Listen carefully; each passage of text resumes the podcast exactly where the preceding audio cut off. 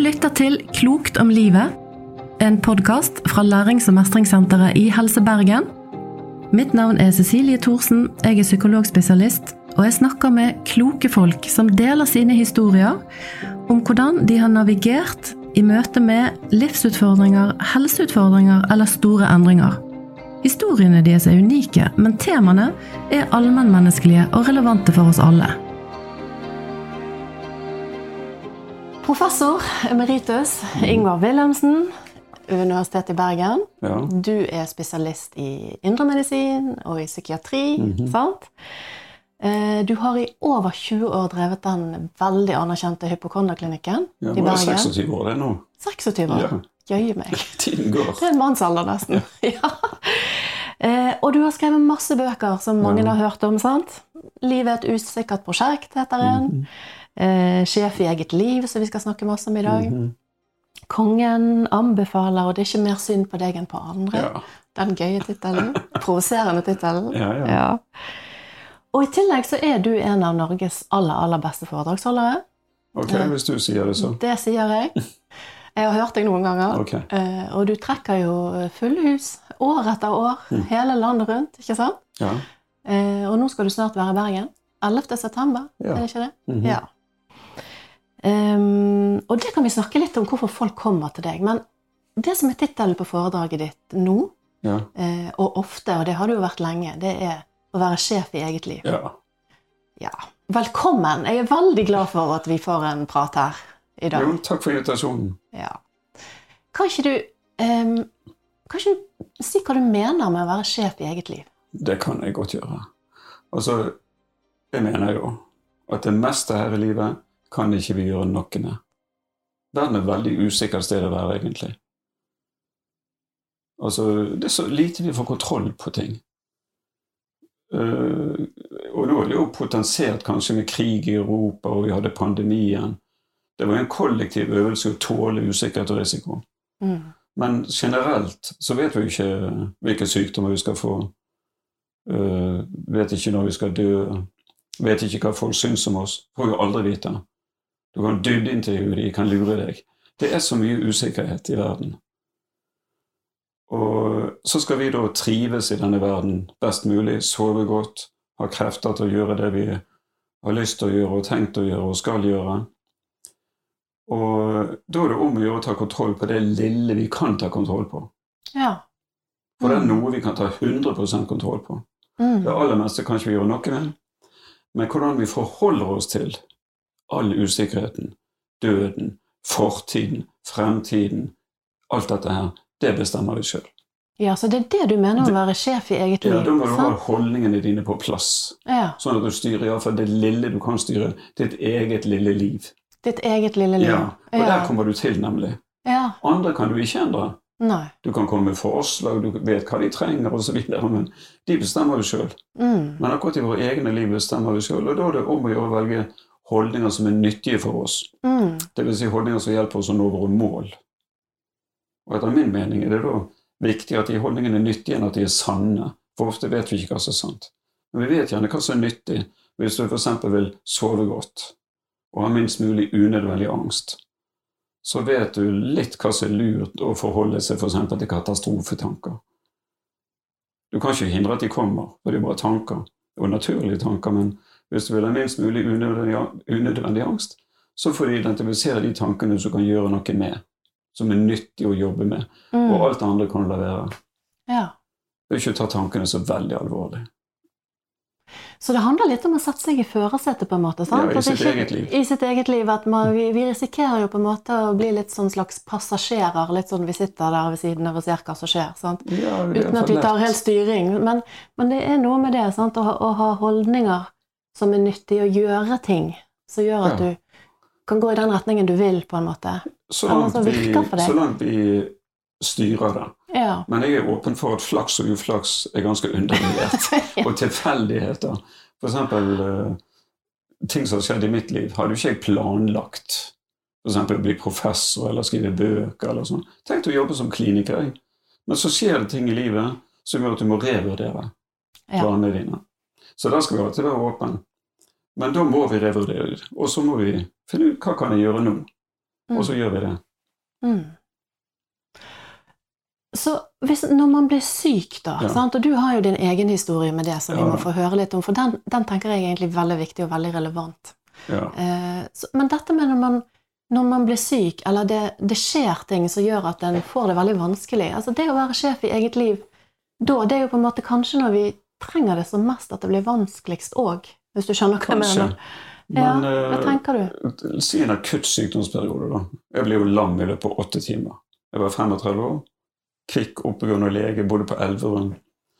Og var i Bergen på en generalforsamling. Og så, i løpet av en lørdag 30. april 84, så ble jeg helt lam. Midt oppå brystet og ned. Og det tok jo da noen timer å utvikle seg. Men det var en veldig overgang. For frisk og oppegående og hatt en liten luftveisinfeksjon til å bli lam. Og jeg aksepterte jo ganske fort at jeg var lam, for jeg hadde jo ikke noe valg. Jeg ble innlagt på nevrokirurgen først, Mhm. for de lurte på om det var en svulst i ryggmargen eller blødning eller noe. Men det viste seg å være en, eh, en slags autoimmunreaksjon. Jeg hadde hatt en virusinfeksjon, så var det antistoffene tok et segment av ryggmargen. Transversmyelitet. det. Mhm. Ingenting slapp gjennom. Ganske dårlige prognoser. De fleste ble nå værende dårlig, sa de. Men da lå hun der lam. Og da er jeg 35 år, så jeg hadde allerede da forstått at livet er urettferdig. Mm. Det er usikkert, som vi har snakket om. Det Mm. er også urettferdig.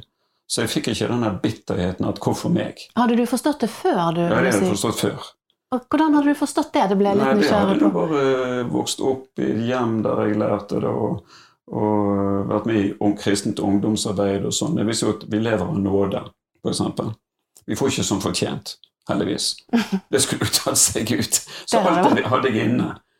At uh, vi får takknemlige for det vi får. Og så bitterhet eh, Det er jo naturlig å bli litt bitter og irritert, og sånn hvis du blir lam eller får en alvorlig sykdom. Det forstår jo jeg òg. Og det skal vi anerkjenne, at det er jo ikke topp å bli lam. Det er jo et traume. Men jeg aksepterte iallfall at eh, her er det ikke noe grunn til å spørre 'hvorfor meg'? Da kunne jeg gjerne spørre 'hvorfor ikke meg'? Skulle jeg være unndratt sånne ting? Mm. Nei, det er ikke noe Det er ikke svar på de der spørsmålene 'hvorfor meg', eller 'hvorfor ikke meg'? Vi får jo aldri svar på det. Får aldri svar på Nei, det. det gjør man Så ikke. ikke, du kan stille de, men så får du legge de til side. For Mm. det er ikke interessant. Det som er interessant, hva gjør jeg nå? Ja. Jeg Mm. fant ut at nå får jeg, Da bodde jeg på Elverum, faktisk. Mm. Og da lå jeg i en seng på, overført på nevrologen, da. Lam. Så jeg tenkte nå har jeg ikke vært i Bergen på lenge, og ikke bodd her på åtte år. Så jeg begynte å gi beskjed til alle vennene mine at nå ligger jeg her. Fikk masse besøk. Mm. Masse sånn sjelesorg ved sykesengen, kalte vi det. Mhm. Og det var ikke de som hjalp meg, det var like mye jeg som hjalp de. De visste ikke hva du skulle si. Hva skal du si til en som er blitt lam? I en alder av 35 Ja, år, midt i til det går sikkert over, men det, men det visste jo ingen av oss. Nei, nei. nei. sånn at, eh, Mm. men det, var, det ble mange fine samtaler. Så det var nok en del av min bearbeiding. At jeg hadde kamerater, venner, som kom og besøkte meg, snakket. Det var jo en fin tid, egentlig. Så Mm. plutselig fikk jeg litt ro. Ja, hvor lenge lå du der? Jeg lå der i seks uker. Ja. Så ble jeg utskrevet i rullestol. Oh. Så ble jeg sykemeldt et halvt år. Mm. Og så begynte jeg å jobbe på Haukeland, på gastroavdelingen. Det skulle jeg egentlig. Begynte i november. Og da gikk jo da, da fikk jeg spas, hadde spastiske bein. Det har jeg hatt siden. Ja. Og nå er jeg litt verre enn jeg var den gangen. men jeg kunne ikke løpe og sånn. Men begynte i vakter og alt dette her. En sånn vanlig legejobb? Helt vanlig assistentlegejobb. Så Ja, når du kom, kom deg på beina igjen, så tenkte du ja. Så begynte jeg å jobbe, sånn som jeg hadde tenkt. ja. Og skulle spesialisere meg i magetarm og dette her. Eller var forresten allerede spesialist i magetarm og psykiater. Så det hadde jeg tenkt å bli. Det var planer, så det gjennomførte jeg. Bli Mm. psykiater og indremedisiner og magetarm og dette her. Og, for jeg likte godt det der kropp og sjel og psykosomatikk. Men jeg hadde tenkt som sagt å jobbe klinisk, men nå ble det et skifte. For nå var ikke det gøy å gå vakter lenger. Det var anstrengende. Selvfølgelig. Så jeg tenkte Mm. jeg får komme meg over i akademi Ja. og se om jeg kan få meg en akademisk stilling. For jeg visste jo det at universitetet det er jo nesten litt sånn vernet arbeidsplass. Så det er et veldig fint sted å være. Du, du, for eksempel professor. Det er litt vanskelig å bli, men utrolig lett å være. Det det greit når du har fått den. og det visste jeg, ja Ja. da. Så jeg måtte jo ta en doktorgrad. Og tok doktorgrad på magesår, da, som vi trodde var psykosomatikk, men var en bakterie. den også. Ja, Det var den, er den historien. Det var da jeg lærte meg kognitiv terapi. Ja, okay. Men det hjalp jo ikke. Nei For vi hadde jo en bakter- bakterie. Så, Ja, så mm. andre del av denne doktorgraden så tok vi vekk bakterien. ja. Du kan jo ikke tenke vekk bakterien. Nei, du kan sånn. ikke tenke den vekk. Så Nei. første gruppen her i landet uh, tok vekk den, så ble du helbredet. Så da underviste jeg legestudenter i 20 år til gikk av. da. Så, men det var jo karriereskifte. Det var det. Men det Mm. fine da var jo at jeg hadde en tredjedel undervisning, en tredjedel forskning, en tredjedel formidling. Kunne, kunne holde foredrag i arbeidstiden. Ja. Og da begynte å holde foredrag. Da oppdaget du Ja, at det var noe Det du var- likte og hadde talent for. Og så ville jeg ha en hypokondaklinikk, selv om jeg jobbet på Institutt for indremedisin. Mhm. Så ville jeg ha en liten klinikk for hypokondere, for det, de fikk så dårlig behandling, syns jeg. Mhm. De fikk vite hva de ikke hadde, men ikke hva de hadde. At det var helseangst, og det kan vi gjøre noe med. Eller Mm. du. Så da satte jeg i gang med denne hypokonderklinikken med en 20 stilling. Aldri vært mer. Nei, og dette, har jo, dette skjedde jo på en måte som et resultat av at det skjedde en enorm endring i Ja. ditt liv, sant? En endring som jeg ikke kunne planlegge. Nemlig. Mm. Og jeg underviste jo legestudenter og, sånt, og snakket med dem om at jeg hadde aldri begynt å forske hvis jeg ikke ble lam. Men jeg måtte jo forklare dem at det går fint an å begynne å forske uten å bli lam. Altså Det er jo mange forskere som aldri har vært lam.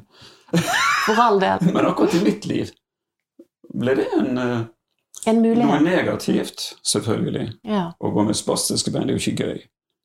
Men likevel noe som du kan utnytte på en måte, og finne en ny vei. Mm. Finne ut hva du nå kan gjøre.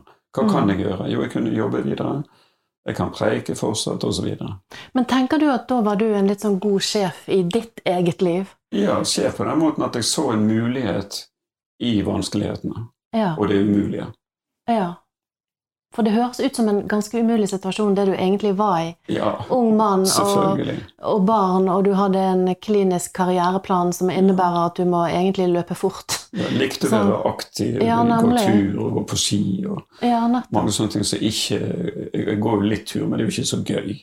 For jeg er så ustø og Mm. kan ikke gå på ski. Jeg har prøvd meg, men det Mm. faller jo bare. Og... Ja. Så klart det, det er et handikap. Mm. Men i en sånn situasjon, etter å ha forstått at sånn er det Og jeg hadde ikke en sånn voldsom depresjon eller bitterhet, Nei. men jeg forsto at uh, dette kan ikke jeg gjøre noe med. Ja. Annet enn bare å håpe det beste. Ja.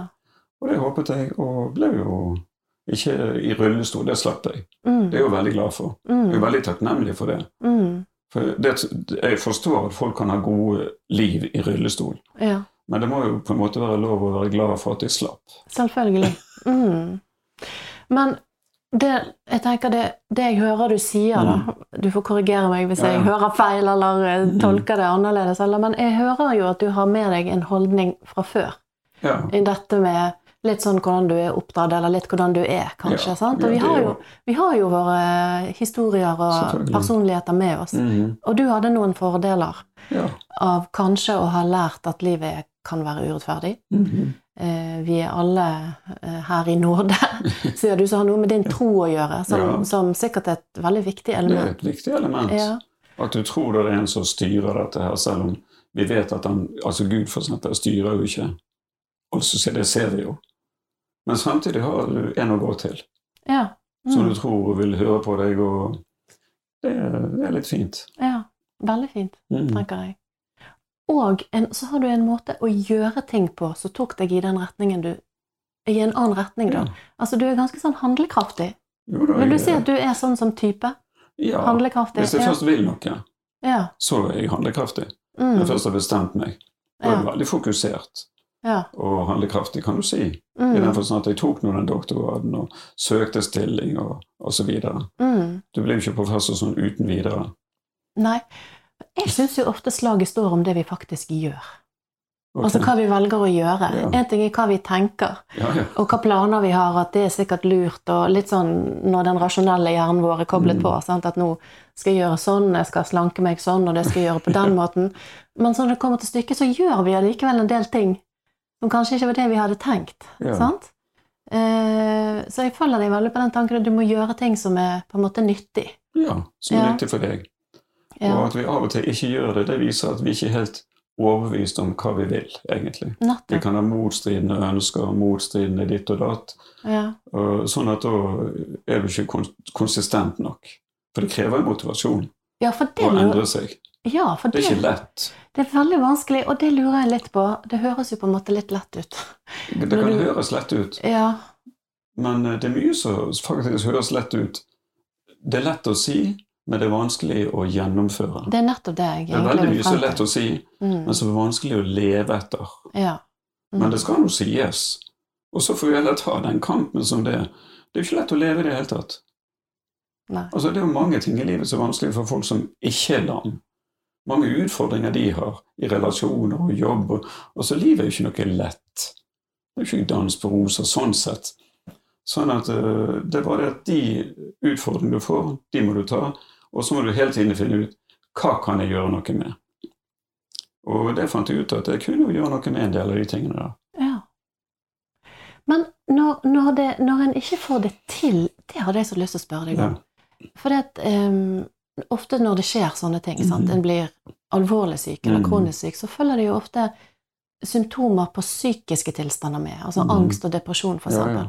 Og med angst så følger det jo mye. Man blir redd, og man lar kanskje mm. være å gjøre en del ting. Mhm. Eh, og med depresjon så kan man bli tiltaksløs og ja, veldig sånn Hjelpeløs. ja, ja sant? Mm. Og, og ha lite sånn pågangsmot, på en måte, Mm. og bli veldig sånn tung, for å si det på en Mm. veldig enkel måte. Eh, hva, har du noen tanker om hva det er som står i veien når folk ikke på en måte får gjort de tingene som er nyttig for dem? Ja, Det hadde vært spennende å høre La oss si at vi, vi normaliserer den første depresjonen og bitterheten og nedturen. Ja. Den var ikke så lang for meg. Nei. Men la oss si at det er helt normalt. For det er det. en sånn. Nei, altså at Ja. folk flest. Det er normalt. Det ja, de, de, det er ikke gøy å bli lam, det er ikke gøy å få kreft. Det er tvert imot et svært vanskelig situasjon. Eller andre sykdommer. Så vi anerkjenner at det kan være til og med mulig å komme inn i en offerrolle, og det er helt en normal reaksjon, forbigående. Men det er ikke et sted å bli værende. Det er mitt poeng. At det er ingen som har dømt deg til å bli værende i bitterheten. For hvis du har opplevd et traume, så kan du lett bli bitter hvis andre mennesker har vært involvert, eller hva det er. Men den bitterheten har jo ingen varig verdi. Den bare ødelegger for deg. I tillegg til traume som du skal bearbeide og leve med, kanskje resultater av det, så har du nå fått en bitterhet som vi Mm. vet er sånn som angsten. Den skaper eh, hjertebank, den skaper spenninger, den gjør deg eh, hevngjerrig. Negativ følelse. Bitterhet er en negativ følelse. Ja. Så har du fått det i tillegg. Mm. Og det er ikke nødvendig. Det er ikke man dømt til. Nei. Men det spørs hvordan du forholder deg til det. Ja. Om du aksepterer at sånn er det, og den skal jeg ta. Og jeg skal gjøre det best mulig ut av det. Mm. Istedenfor å være bitter, da, eller, eller Eller et offer. Ja, et offer. Ja. Angsten som kan komme, har jo med katastrofetenkning å gjøre. Tenk om. Tenk om vi aldri blir bra. Tenk om vi aldri kommer igjen. Tenk om vi ikke kan gå igjen. Og den typen tanker, tenk om-tanker, de er det da lurt å identifisere. Og det tror ikke jeg de har gjort som ikke kommer ut av dette. De har ikke vært bevisst nok på hvordan de forholder seg til tankene sine. Det er jo de jeg er veldig opptatt av. Ja. Følelser er jo interessant og viktig, men jeg er opptatt av tankene. For følelsene dilter ofte etter der vi går med tankene våre og handlingene våre. Så hvis du får tenk om tanker, så er det ett problem med de fleste sånne katastrofetanker som jeg tenker om. Svaret ligger i fremtiden. ja. Tenk om alle får gå. Ja, det kan ingen svare på nå. Nei. Så det er en helt unyttig tanke å dulle med. Å begynne å, å kjøpe en rullestol og forberede seg og øve på livet som lam. Nå får du heller vente og se hvor bra du blir. Og gjør det du kan for å bli bra. Tren. Alt dette her som vi kan gjøre noe med. Gå Mm. turer når du kommer på beina og sånn. Og, sånn at uh, Bli obs på tankene. Det er det første. Og da kan du sortere de. Kan jeg gjøre noe med det? Det er jo det minste, men det viktigste. Det du kan gjøre noe med. Alt det andre kan da ligge. Alle katastrofetankene som kommer. Tenk om tankene. De kan da bare bli møtt med et skuldertrekk. Det er jo viktige tanker. Det, ja, og de Og- får jo stor helt- plass Helt naturlige. Ja. Men de skal ikke få mer plass enn de fortjener. De fortjener veldig lite plass. ja. Mm. Så der må vi øve på å behandle dem som en, som bilde bruker. Behandle dem som en nabo du ikke liker. ja. Det Altså, er du kan ikke hindre at han ringer på, Nei. men du kan la være å åpne. Ja. Det er bare å ta det være å åpne. Mm. ja. Du Og kan treffe. høre han ringer på, men du kan la ja, være ja, å du bør ikke åpne engang. Du kan åpne og si at du ikke er interessert. Eller du treffer ham på, dag, på, på butikken dagen etter. Ringte på oss i går. Ja, jeg er fullt klar over det. Du åpnet ikke. Nei, det var helt bevisst. Da kan du gjerne ta hintet. Så du må tåle å være ærlig, og tåle at naboen ikke liker det. For hvis du skal nå spille på lag med han, en som du egentlig ikke liker, og bare forstyrrer deg, så begynner du å strekke deg og ta han inn, og så blir du sint, og så blir det et dårlig forhold uansett. Han får tåle at uh, han blir avvist, og du må tåle å avvise han. Mm. Tørre. Ja, Prøve og øve. ja bare til å øve. Ja. Mm. Så det å tåle å bli avvist, for eksempel, det er ganske viktig. For da med sosial folk som er syk, kronisk syke eller akuttsyk eller i livet generelt, vi kan jo få sosial angst. Vi blir veldig Ja. opptatt av hva folk syns om oss. Vi Vi skal av det. tekkes andre og bli likt av Mm. alle. Det er jo et Mm. meningsløst prosjekt. Ja. Mm. Det er jo ingen som blir likt av alle. Det har de jo forsket på. Det er nå det ene. For det andre får du aldri vite hva folk syns om deg. Nei, man gjør jo ikke Du kan dybdeintervjue de kan intervjue de, og de kan lure deg. Mm. Så jeg har faktisk lest nettopp en veldig god bok. Jeg driver vanligvis ikke reklame for bøker rundt omkring, men en, en som heter det er en, japansk filosof som har skrevet den. Han er sånn adlertype. Også Freud og Adler de var jo samtidige. Freud var litt sånn pessimistisk. Har du opplevd et traume, da er, det sånn, da er du skadet for livet. Og det er veldig vanskelig å endre seg, kanskje umulig. Men Adler var mye mer positiv. Altså, Freud var jo veldig deterministisk, kan du si. si Ja, sånn. og Mm. eksistensialistisk. Og Ja. han, han mente at hvis du har hatt et traume, og det går over, ja. så har det gått over. Mm. Da fins det ikke. Det mener Adler, ja. Ja, Da fins Mm. det bare i ditt hode. Ja. Og det kan du manifestere, for det er jo ikke sannheten du husker. Det er et Mm. minne. Men vi vet jo fra vitnepsykologi vi husker ikke sannheten. Nei. Sånn at uh, den måten du lever videre med traume på, det kan du modifisere i forhold til målene dine. At du ikke gjør det verre enn det var, som er veldig lett. Å gå videre og liksom Tenk om ble, alle ble drept, osv. Tenk om jeg aldri kom meg. Men i alle fall en, en japansk sånn filosof som er adlianer, eller hva det heter, og en ung type, så spør han Det er boken. Og boken heter 'The Courage to be Disliked'. Ja. Den har jeg hørt om. The Courage to Ja. be Utrolig god bok. Veldig god tittel. God tittel. Ja. Og, og hvis du ikke tåler det, så begynner du å lure på hva skal jeg få til, gjøre for å få han til å like meg. Mm. Så lever du liksom på andres premisser og la de bestemme over livet ditt. Ja, blir veldig ytre styrt, ikke sant? Ja, sånn Mm. at eh, den eh, passet godt med min måte å tenke på, Ja. fant jeg Mm. ut. ja. Uten, jeg visste jo ikke at det var sånn adlianer. Ad- Nei, men det har du oppdaget. Ja. Så det var jo litt gøy. ja, det Jeg fikk den tilsendt av en kollega som heter 'Denne må du lese'. Akkurat. Så Ja. tror, er det fordi han mener jeg trenger det, eller, men jeg tror det var fordi han mener at jeg lignet litt på den. Akkurat. Det er jo holdningen i den boken. Nettopp. Men du, du er jo inne på, på kjernen i, i noe av det som de fleste av oss er veldig opptatt av. Sant? Det er jo en av de store bekymringene vi har. Mange har Hva folk det. syns om Ja, oss. riktig. Ja. Og det er helt Mm. naturlig å ville bli likt. ja. Jeg anerkjenner den fullt ut. Selvfølgelig. Jeg er sånn sjøl. Ja. Det er bare at vi må akseptere at ikke alle liker oss. Mm. Og de har full rett til det. Mm. Og hvis de til og med sier det til oss, så skal du være obs på det at det er veldig få som sier det til deg. At jeg liker deg ikke så godt, og særlig den siden ved deg har jeg litt problemer med. Det er veldig få som egentlig sier. Så der skal du se på det som en mulighet til å lære noe. For i og med at han vedkommende tar seg bryet, så antagelig, om han ikke liker meg, så har han et eller annet forhold til meg. Så han har lyst til at, eller han ser et potensial for endring. Sånn at du skal, For du kan jo ha gjort eller sagt noe som såret han, eller hun, Mm. uten at du engang mente det. Mente du det, så noe så, da vet du det sjøl. Men hvis du ikke mente det, så kan det være et trekk du har som du ikke er bevisst på. Da er det jo fint å få en tilbakemelding. fint å få en tilbakemelding, Ja så, og du bør ikke være enig med han til slutt. Si, men du kan hende til og med være enig, og da får du en sjanse til å endre på en liten ting. Mm. Være litt forsiktig med noe. Og, for at ironi er jo bra. Selvironi fungerer jo godt. Mm. Sarkasmer fungerer ikke så godt Nei. i samtaler. Det er ikke alle som liker så godt. Nei, det, det kan jo slå litt dårlig an, for å si det sånn. for eksempel. Sånn at um, Vi kan alltid ta imot og, og akseptere at og kanskje vi aldri blir gode venner. Kanskje vi er så forskjellige at vi, vi går ikke så godt sammen, men det må vi akseptere. Det er mange i livet vi ikke tar inn i vår innerste krets. Ja. Bytt deg inn de som ikke liker deg. Jeg hørte jo et radioprogram som jeg siterer av og til. De satt og diskuterte. De likte ikke bergensere. Ja, de hadde prøvd, men de fikk det bare ikke til.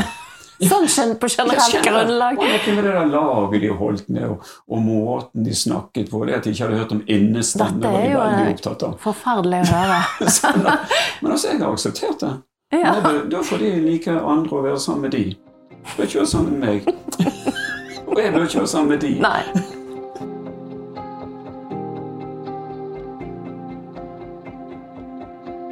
Men du, eh, eh, sosial angst er nå én ting, men, men behovet for å bli likt er jo noe annet. Og jeg tenker jo litt på eh, Litt sånn som sånn som tiden er. Altså eh, tiden vi lever i, for å si det litt sånn. Ja. Dumt kanskje, eller enkelt. Men, men hvordan vi vi er jo så opptatt av å bli synlige på suksessene våre, Ja. på de tingene vi faktisk får til. Ja. Enten det er på LinkedIn eller Facebook eller eh, Instagram eller hvor det måtte være. sant? Mm. Så, så jeg tenker da, når man, når man har det vanskelig og ikke fikser ting og ikke mestrer ting, man får jo litt sånn skam, nesten. Ja. Eller, Og den der skamfølelsen der, hvis Ja. du ikke mestrer ting. Eller mestrer å bli syk, for den del. Ja, jeg ser på skyld og skam. Det er jo to sider av samme sak. Jeg ser på skyld som mer kognitivt. At du har brutt en norm som enten samfunnet har, eller som du har, og så føler du skyld. Ok? Ja. Og følelsen som kommer etter det, det er jo skamfølelsen. Mm. Og hvis det er sant at du har brutt en norm og gjort noe galt, kvalifisert galt, da er det én måte å løse det på. Det er å bekjenne. Det er om tilgivelse. Ja, det er en litt sånn korrigerende skam. Korrigerende skam. Ja. Mm. Men så er det noen som får skamfølelse for ting som andre har gjort. At du har fått en sykdom som ikke du hadde bedt om, og som ikke du laget, osv. Det er jo en Mm. helt malplassert skyld Mm. og skam. Ja, Så den får vi bare øh, si at den øh, var feilplassert. den er feilplassert. Den er helt feilplassert. Ja. Det skal ikke ødelegge ditt liv, for skammen er heller ikke noe sånn veldig givende og positiv og inspirerende følelse. Det er en ganske destruktiv Ja, følelse. sånn Lite inspirerende. Og hvis den ikke bygger på noe som du er ansvarlig for, Ja. så kan du slippe den. Ja. Men da må du også gjøre den lille jobben med å identifisere når er dette en skam som er nyttig for meg ja. i livet. For vi skal ikke være skamløse. Nei, det Men, skal vi eller ikke. når er det en skam som er unødvendig og selvpåført, og øh, da kan jeg legge den pent til side, Ja. sammen med bitterheten Mm. og, og alt dette her. Mm. Så kan du sitte igjen med Jeg tar jo glede på forskudd, f.eks. For Gjør du det? ja, helt regelmessig. Å, få høre. Hva mener du at du tar glede på, jeg tar ikke sorger på forskudd, Nei. for det ser jeg ingen vits med. For det er jo ikke sikkert de kommer. Men er jo, jeg syns det er gøy å ta glede på forskudd. For da får du den iallfall én gang. Da er Ja. du sikret å få en gjeng. ja. Om det så ikke Og bli noe hvis det ikke skjer, så har vi iallfall hatt den én gang. Og slår det til, så det er to. Ja, dette syns jeg var veldig konstruktivt. Så det er et helt prinsipp som jeg lever etter. Akkurat, har du et eksempel? Ja, så skal vi se Brann i kveld. Ja, De skal spille kamp i Europacupen. så De tapte 2-1 i første kampen, så de må vinne med to mål for å gå videre. Og jeg tror jo, jeg gleder meg til at de skal gå videre. Ja, akkurat. Jeg gleder deg til at de vinner. Ja, økonomisk bra for dem. Jeg vet at det ikke er sikkert, men det er jo ikke helt usikkert heller. For det er noe litt bedre i år enn det har vært før. Sånn at eh, jeg tar den gleden litt forskudd, og, gleder, og ikke pessimist i det hele tatt. Nei. Men hvis de taper og går ut, så omstiller jeg meg veldig fort. Jeg er veldig god til å ta inn realiteter. Okay. Ja, det tror jeg du må være. da, da gikk det ikke videre. Da får vi se om de kan vinne cupen. Mm. Skjønner du? Dette tror jeg jeg skal gjøre, begynne å gjøre mer av, og lære ungene mine. Glede seg på forskudd, selv om ting kanskje ikke blir Og det er mange som er negative. De har en holdning. Dette er en holdning. At hvis du gleder deg for mye, så blir nedturen så stor. Ja, da blir du skuffet. De får så høy fallhøyde. Ja, nettopp. Sånn at for å sikre seg og ikke bli skuffet, Ja. så tar de sorgene på forskudd. ja. Mens jeg sier at jeg i mitt liv jeg har så høy fallhøyde som mulig. Nettopp. Ja. Og, og når det skjer noe, det vil jo skje noe i mitt liv også som er veldig skuffende, veldig dårlig, altså sykdom, hva det er, så får jeg ta den når den kommer. Men jeg vet jo ikke hva jeg skal forberede meg på. Jeg vet ikke hva som skal komme. Kanskje ikke blir så svære ting. hva vet jeg, Kanskje jeg bare dør uten å oppleve så mye. Det har jeg ikke peiling. Men jeg tar gledene, så får jeg de, og slår det til, som sagt. Men, så det å sikre seg og ikke bli såret, ikke bli skuffet, tror jeg ødelegger for folk. Ja, for man går jo glipp av noe, da. glipp av mye. Det tenker jeg når du Ja. beskriver det sånn som du gjør nå. Jeg syns det var en utrolig konstruktiv holdning. Ja, fint det. Den fikk jeg lyst til å lære ungene mine. Ja, ta Ja. glede på forskudd. Ja, rett og slett. Og Mm. det er ikke far. Og så er det noen som nesten snur på det. At det er farlig å bli for glad. Altså at det er litt sånn Ja, det er kanskje det samme, egentlig, men altså det litt skeptisk å bli for glad, for det kan straffe seg. Hvis du blir veldig glad, så er det noen som tror det at nå føler det er noen som følger meg ut i verdensrommet. Å ja, der tok hun av, nå må vi sende noe. Hva mener du med det? Altså, noen som tenker sånn. Okay. At, at du må holde litt igjen på gleden, for ellers kan det straffe seg. Okay. Det er jo litt, Mm. eh, ikke noe grei holdning. Må ikke bli så begeistret på en måte. ikke noe som jeg anbefaler folk. Nei. Men jeg spør dem tror du virkelig at det er farlig å være glad? Ikke bare gøy? For det, tror du den tabben gjorde de som fikk ekte ALS, det er jo en helt forferdelig sykdom. Mm. Tror du at den tabben gjorde at de var for glad i utgangspunktet? De var for optimistisk. Det har jo ingenting med det Altså Vårt følelsesliv har ingenting med hva vi får av sykdom å gjøre. Nei. Så vi kan bare være glad inntil videre. Så, så snart sjansen er der, så benytt den. Ja. Benytte seg av muligheten til å glede seg over noe. Jeg er over noe Mm. Og la seg begeistre. begeistre. Jeg er jo så takknemlig hver gang jeg får stått opp. ja. Og en Mm. ny dag, og jeg kan fortsatt gå. Mm. Så takknemlig. Men da er du inne på et veldig viktig begrep, og det er takknemlighet. Ja, det syns jeg eh, vi kan godt snakke litt om, siden du først kom inn på det. Hva tenker du om det? Viktigheten av takknemlighet, selv når man kan ha det vanskelig, f.eks.? Ja, ta- ja, takknemlighet for det du kan klare. Ja. For det du tross alt kan være med på. Det er jo viktig å dyrke. For det er en god følelse å Mm. være takknemlig. Mm. For det er godt for deg, og så er du takknemlig overfor andre mennesker. Kanskje det bygger relasjon. Du takker dem for ditt og datt, og det er jo folk som støtter deg. Og, sånn at du kan uttrykke det. Sånn at bitterheten er negativ, var vi enige om. Unødvendig angst er bare energitap. Fordi at du får en angstreaksjon som du ikke får brukt til noe nyttig. Mm. Den skal være velplassert og nyttig. Og skammen har vi snakket om som er helt unyttig hvis Ja. den er malplassert Ja. og Mm. ikke noe som du kan lære noe av. Eh, Så vil utakknemlighet også være en unyttig sak. Ja. Men takknemlighet beriker livet ditt og andres. ja. Så den slår vi et slag for. Den slår vi et slag for, rett og slett. Mm. Og det å øve på takknemlighet, det tenker jeg er en veldig god øvelse Ja, i, for alle i livet. Enten man, eh, man nå, uh, har det greit, eller spesielt når man har det vanskelig, å være takknemlig for ja, noe. selvfølgelig. Og jeg er jo Mm. ikke takknemlig eller veldig glad for at jeg blir lam. Altså Det er ikke sånn at man skal si at jeg var så glad jeg fikk kreft, for da fikk jeg revurdert så mange ting i livet. Mm. Jeg tror vi skal anerkjenne at fæle ting er fæle ting. Ja. Så du bør ikke være takknemlig for det. Nei. Men midt oppi det fæle så kan du tillate deg å være takknemlig for at du, hvis du nå overlevde, at du overlevde, Ja. videre. Skjønner du? Men hele tiden må vi være realistiske. Jeg skjønner jo det. Mm. At man kan få sykdommer som ikke ender bra. ja da. Og da vil jo Mm. den realismen kombinert med et visst håp skal vi aldri miste. Mm. For du vet jo aldri. Neida. Ting skjer Mm. jo i livet.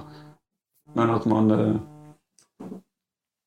At man er realistisk, men optimistisk og takknemlig.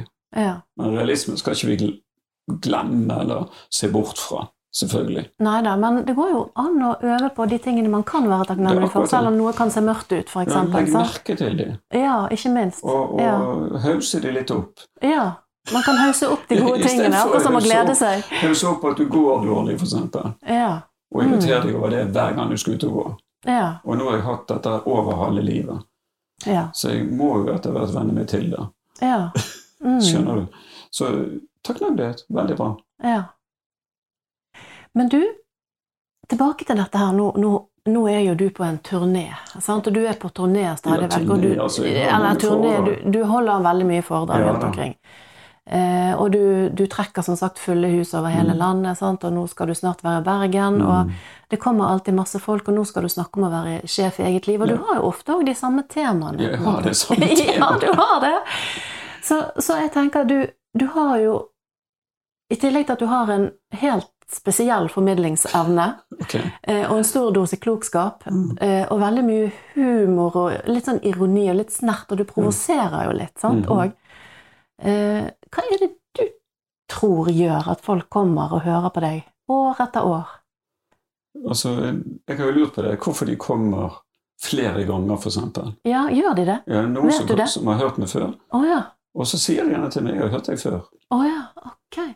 Men jeg får ikke noe forventningsangst av det. Nei. For jeg tenker at ja, da er du med i fanklubben. Da, Ja. du, da har du lyst til å høre meg en gang til. Ja, og, og så dessuten så Kanskje, du vet, jeg snakker i 90 minutter, de husker jo ikke alt. Det vet vi jo. At, sånn at kanskje de er i en annen situasjon neste fredag. Og så tenkte jeg at kanskje noen som har hørt det og syntes det var bra, de lærte nok, og de fikk le litt og sånn, og, og le litt av seg sjøl, så har de tatt med en venn. Ja. Og tenk om jeg da holdt et helt annet foredrag. Og ingenting av det som de var forberedt vennen på at nå skal du høre han snakke om bekymring. Det må jeg nesten snakke om, for ellers blir jo vennen skuffet. Det var derfor de kom, Det var derfor de kom. Akkurat som Bjørn Eidsvåg, så han ikke synger 'Jeg ser'. Og så blir folk helt fra seg. Bare nye sanger. Det er ikke det folk kommer for å gjøre. Da må de først bli kjent med de og glad i de, og så kan de gå på konsert og høre de. Mm. Så jeg føler ikke det presset at jeg må fornye meg hele tiden. Men nå ble jeg litt oppmuntret av den siste boken jeg leste. da. Ja. Kan godt hende tar inn litt av nå er det det noe nytt du har tenkt å komme. Hvem vet? Ja, Litt adler, adlerianske greier. Akkurat. Hvem vet? Ja. Men Mm. jeg tror nemlig at de temaene jeg tar opp, er sånne allmenne som har fulgt menneskeheten i alle år. Nettopp. Holdningen til usikkerhet. Mm. Og viser hvordan du kan forholde deg godt til usikkerheten. Ja. Bare ikke beskriver ikke bare verdens elendighet. Det tror jeg ikke folk ville komme til å høre gang på gang. Nei. Når jeg beskrev hvor dumt det er med krigen og pandemien og ditt og datt. Mm. Og alle konfliktene vi opplever. Nei, vi må vise folk en vei ut av det. Ja. Og nå er jo det vanskelig å forenkle kompliserte ting, men det er mulig. ja. Og Og det jeg- tenker og jeg jeg du er god på, det. Jeg tror at jeg har lært meg Mm. å si litt vanskelige ting på en enkel måte som folk forstår. Ja. Men du, du var litt inne på det eh, Det som jeg lurer litt på, Ja. skjønner du, med hvorfor du trekker fulle Ja. hus år etter år. Og hva, folk mm, syns det er fantastisk og en gave å høre på deg. Mm. Du var litt inne på det, dette her med det å være menneske. Ja. Eh, jeg lurer litt på eh, om du snakker om ting som treffer folk veldig i det, det som handler om å være menneske. Jeg, Altså helt sånn eksistensielle tema. Det er det. Og jeg er jo litt sånn kirkegårdianer. Da Ja, kanskje jeg er blitt ja. Jeg har oppdaget at jeg var det uten at jeg helt visste Ja. det. Jeg har studert han litt Nettopp. eh, i den siste tiden. ja. Og jeg trekker han litt inn i disse Mhm. podkastene. Eh, fordi det er så relevant, det han tenkte, som levde for 200 år siden, altså. Mhm. Midten av 1800-tallet. Er det det? Sant? Som jeg pleier å gjenta her hvem han var. En dansk teolog, Ja. eh, forfatter og filosof, og noen kaller han psykolog. Og han regnes som eksistensialismens Ja. far. Ja. Og har inspirert mange opp gjennom Sartre, og Camus og mange. Mhm. Nietzsche. Eh, og så syns jeg jo at eh, du og han snakker litt om det samme. Mm. Fordi dere snakker om Han har jo fått en enorm betydning sant, for, for eksistensialistene. Og dere snakker begge om egentlig det å være sjefer eller aktører i eget liv. Ja. Eh, det å ta ansvar for eget liv. Mm. Eh, og det å kunne velge å gjøre det. Og òg tåle usikkerhet. Så jeg, jeg tenker litt at det du snakker om, det, er, det har vi snakket om eh, i noen hundre år. ja. Det er ikke Det- nye temaer. Nei, det er ikke nye tema. Det er, og det er ikke det at det er noe dårlig med det. Tvert imot. At det handler ja. om eksistensielle ting som vi har bakset med Absolutt. siden tidenes morgen og siden Og- filosofene for den tid. Og det kommer til å følge oss til vi dør. Ja, nettopp. Og døden er Mm. for eksempel én ting Ja. som vi må forholde oss til. Og det er jo ikke nytt i verdenshistorien at folk dør. Nei, Det har de det gjort hele skjer tiden. jo. Det har de gjort hele tiden. Og det er jo forferdelig, på en måte. Det er jo en fiende for de fleste, da, hvis du ikke er veldig syk og dårlig, at det er en befrielse. Men da er det jo et tema som Det er jo ikke rart at det går igjen i gamle skrifter og hva som helst, og fortsatt er aktuelt. For vi skal jo også dø. Og, og det å, for, å forholde seg til at du skal dø, og er dødelig Jeg jobber jo mye på Kondre. Det er jo hele løsningen å akseptere at du er dødelig. Ja, For da kan du bruke livet til å leve, ikke til å ikke dø. nettopp. Det er jo et helt annet fokus, for der kan du komme til. Mm. Du kan øve på å dø, eller du kan forberede deg. Har ikke peiling hva du skal dø av engang. Kommer du på med helt feil dødsårsak. Og det er jo det som er så meningsløst. Mm. Så der har du ett tema. Mm. Usikkerheten har vi snakket om, den kommer til å følge oss evig. Ja. Døden er et stort eksistensielt Ja, tema, og og usikkerhet, sant? Ja. Og, og dette er litt selvopptatte, hva folk syns om oss. ja. Helt Mm. naturlig. Og vi skal jo ha litt sosial angst for det som gjør at vi oppfører oss sånn noenlunde Ja, det regulerer skikkelig. oss jo, kan du Det regulerer oss litt, så litt Ja. skal vi være opptatt av det. Ja. Men akseptere at du aldri får vite det helt. Mm. Sånn at uh, alle disse temaene som jeg da tar opp i Mm. forhold til fortiden Det hender jeg snakker litt om det. Ja. Du kan ikke endre fortiden din. Nei. Det er helt umulig. Det er ingenting av det du har gjort som du kan gjøre ugjort. Det er ingenting du ikke har gjort som du kan gjøre da, men du kan gjøre det nå. Mm. Men altså, fortiden er akkurat sånn som den er. Ja. Det eneste du kan gjøre, er å forholde deg til fortiden på en måte som er nyttig for deg. Ja. Enten det er traumer eller gode ting, eller hva det er. Så holdningen til fortiden er jeg litt opptatt av. Ja. At vi får den sånn noenlunde på plass. At du ikke har for mye unødvendig bagasje. Enten Mm. det er skyld eller skam eller angst eller hva det er. Jeg syns egentlig du snakker litt om eh, det at vi kan faktisk velge. Det er Kirkegård òg veldig opptatt av. At vi har et valg, nesten et angstprovoserende valgmulighet. Altså, for når vi velger, så sier det noe om hvem vi er, nesten. det, er det. Hva tenker du om det? Nei, jeg tenker det er helt sant. For ingen kan nekte meg og deg å mene og gjøre akkurat som vi vil. Ingen som kan nekte oss. Og da er det om å gjøre, gjøre ting som er bra for oss, og fortrinnsvis også bra for andre. Det er jo det beste. Så det er ikke det at du blir bare helt sånn egoist hvis du skal være sjef i ditt liv. Du kan jo velge å bruke livet ditt til å hjelpe andre. Men du, Kirkegård han har et sitat, Ja. så da tenkte jeg på deg når jeg leste det. Mhm. Det er ethvert menneskets plikt å ha et kall. Ok. Hva tenker du om det sitatet? Jeg tenker du et kall? det passer godt med at jeg har et kall. Ja. Mm. Om jeg vil gå så langt som å si at en plikt, så tror jeg iallfall det er veldig nyttig Ja. å finne ut hvorfor er du her på jorden. Mhm. Og det er et spørsmål som jeg har bedt mange pasienter tenke gjennom også. Hva blir ikke gjort hvis ikke du gjør det? Ja. Mm. Altså, hva er det bare du kan gjøre? Det kan Mm. være i familie. Antagelig kan bare du være far til dine barn. Eller mor. Uh, ektefelle. Det kan være, det kan være en større krets. Det kan være på, på nasjonalt basis av og til. Ting som ikke blir gjort hvis ikke du gjør det. Og det som jeg prøver for min egen del, at det som bare jeg kan gjøre, det blir jo da mitt kall. Kanskje det er der Kirkeåret mener at da har du funnet kallet ditt. ja, jeg Og at det er en plikt å tenke gjennom Mm. at du vet hva, litt hvorfor du er her på jorden. Ja. Og så må du Mm. gjøre i hvert fall det skikkelig. Mm. Sånn at eh, Så konsentrerer du deg om det, du jobber med det, du bruker tid på det. Mm. Og hvis du får tid til overs, kan du selvfølgelig gjøre mange andre ting som andre kunne gjort. Mm. Men jeg for eksempel, det er jo lenge siden jeg har skiftet hjul på bilen, for det har jeg funnet ut at det gjorde jeg jo lenge. Ja. Men så fant jeg ut at det gjør jo andre mye bedre og fortere, Ja. og jeg hadde råd til det. Ja. Og det var i grunnen Roda, konen min, som spurte meg en gang for mange år siden Liker du å skifte dekk? ja. Altså, Hun ante vel kanskje at ikke du Litt likte det. sånn hobbypreget. hobbypreg. Hun så jeg fikk vondt i ryggen etterpå, og var jo dårlige bein. Og... Ja. Men det er litt hobbypreget, litt annerledes enn det er terapien og det der. ja. Litt Nei. praktisk. Nei, jeg liker det ikke, sa jeg. Ja. Hvorfor gjør du det? Ja. Mm. Akkurat. Jeg kunne ikke svare. Spikeren på hodet. Jeg kunne ikke svare på det. jeg vi har råd til det, og så og så videre. Nettopp. Og en annen ting hun Så spurte sluttet du med det, da? Med en gang. På Ja. flekken. Akkurat. Nå er de på dekkhotell.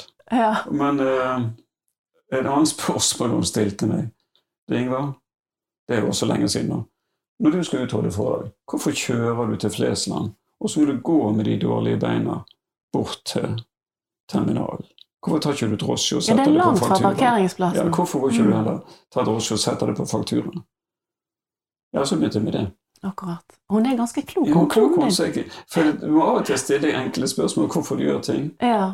Om du liker, og hvis du liker det, er det jo gøy. Bare Ja. fortsett. ja da. Men hvis du ikke liker det, og andre kan gjøre det til og med bedre enn deg, og enklere enn deg, Mm. La nå de pusse opp badet ditt. Slipper Nemlig. du. Mm. Med mindre du har det som en hobby, da. Mm.